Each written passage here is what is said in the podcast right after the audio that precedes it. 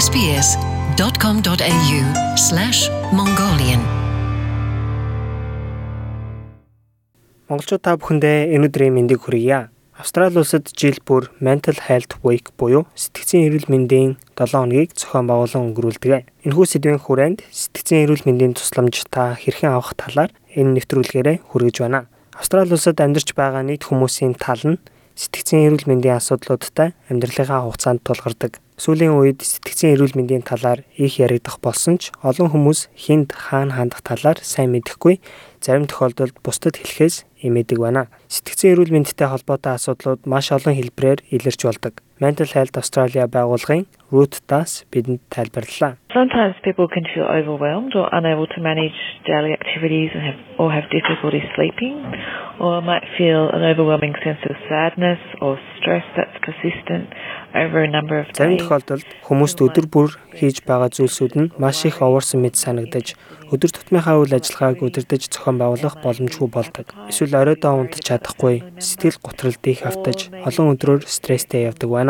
Юмд амархан уурлаж, янз бүрийн зүйлс ямар ч сонирхолгүй мэд санагдах тохиолдлууд байдаг. Түүнээс гадна хоолны дуршилгүй болж гэр бүлийнхаа хүмүүст хит их санаа зовсон байдал ажиглагддаг. Австрали улсад мөн эрхээс өмнө их орондоо сэтгэл зүйн дарамт гэмтэл авсан байх.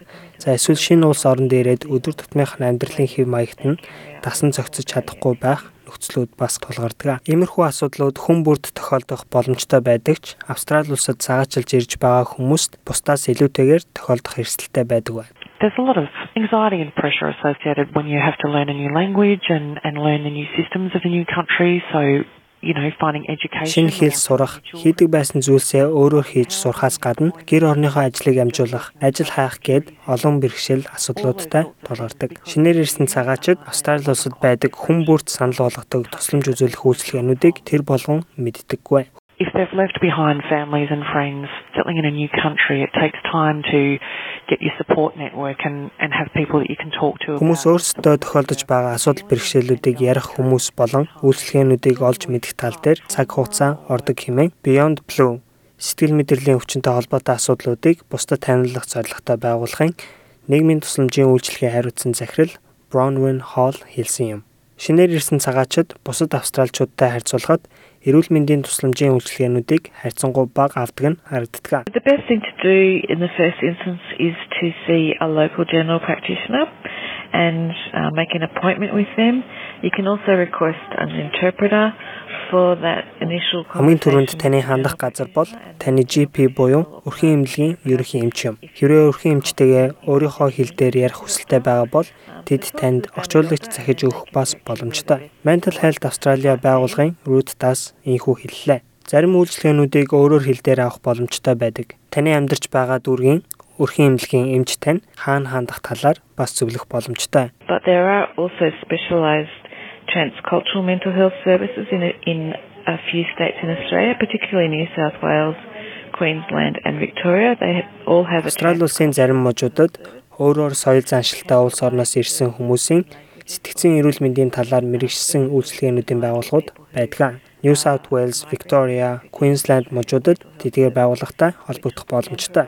Иймэрхүү үйлчилгээнүүд шинээр ирсэн хүмүүст тусгаалan зориулагдсан байдаг бөгөөд хандаж байгаа хүмүүс өөрсдийн хэл дээрээ ч тусалцаа авах боломжтой шүү. Хэрвээ та хэн нэгэнтэй ярьж өөртөө тохиолдож байгаа асуудлуудаа хуваалцах хүсэлтэй байгаа бол Beyond Blue байгууллагын 1300 22 46 36 эсвэл Lifeline байгууллагын 131 114 гэсэн үнэгүй дугааруудад холбогдоорой. Тэдний вебсайтууд болох beyondblue.org.au lifeline.org.au-д зочилж хэн нэгнтэй ярилцаж бас болно шүү. Та өөрөө залхахаас гадна өөрийнхөө таньдаг хэн нэгний өмнөөс залгаж мэдээлэл авах боломжтой. Өөрийнхөө хэл дээрээ харилцах хүсэлтэй байгаа бол үнэгүй орчуулгын үйлчилгээ үзүүлдэг 131 450 дугаарт мөн холбогдож Beyond Blue эсвэл Lifeline байгууллагуудтай холбож өгөхийг асуугаарай. Та ямар ч байдлаар тусламж хүсэж болно. Гэхдээ хамгийн чухал нь өөртөө нуугаад байхгүйгээр бусдын тусламжийг авах нь чухал юм шүү the central message here is that all of us uh, um, are vulnerable to, to issues around our mental health. It's part of, of our, our human condition. The research tells us that one half of adult Хүмүүс төрөх гээд байгаа гол мэдээлэл нь юу вэ гэхээр хүн бүрт сэтгэл сэтгцийн асуудлууд тулгарх боломжтой байдаг. Энэ бол хүн болсон бидэнд тохиолддог асуудал шүү дээ. Судалгаагаар насанд хүрсэн Австрали улсад амьдарч байгаа нийт хүмүүсийн тал нь сэтгцийн эрүүл мэндийн асуудлуудтай тулгардаг. Яг энэ үедээ бусдын тусламжийг авбал танд эргээр нөлөөлнө хэмээн Lifeline байгууллагын стратегийн захирал Alan Woodward хэлсэн юм. Монголчуудын маань хувьд өөрсдийнхөө асуудлуудыг бусдад их яриад байдаггүй. Гэхдээ энэхүү үйлчлэгээнүүд нь танд тулгарч байгаа асуудлууд өвчин эмгэг болохоос урдчлан сэргийлэх боломжтой юм байна шүү. Дараагийнхаа дугаараар та бүхэнтэйгээ тун удахгүй уулзцаая. Та бүхэнд амжилт хүсье.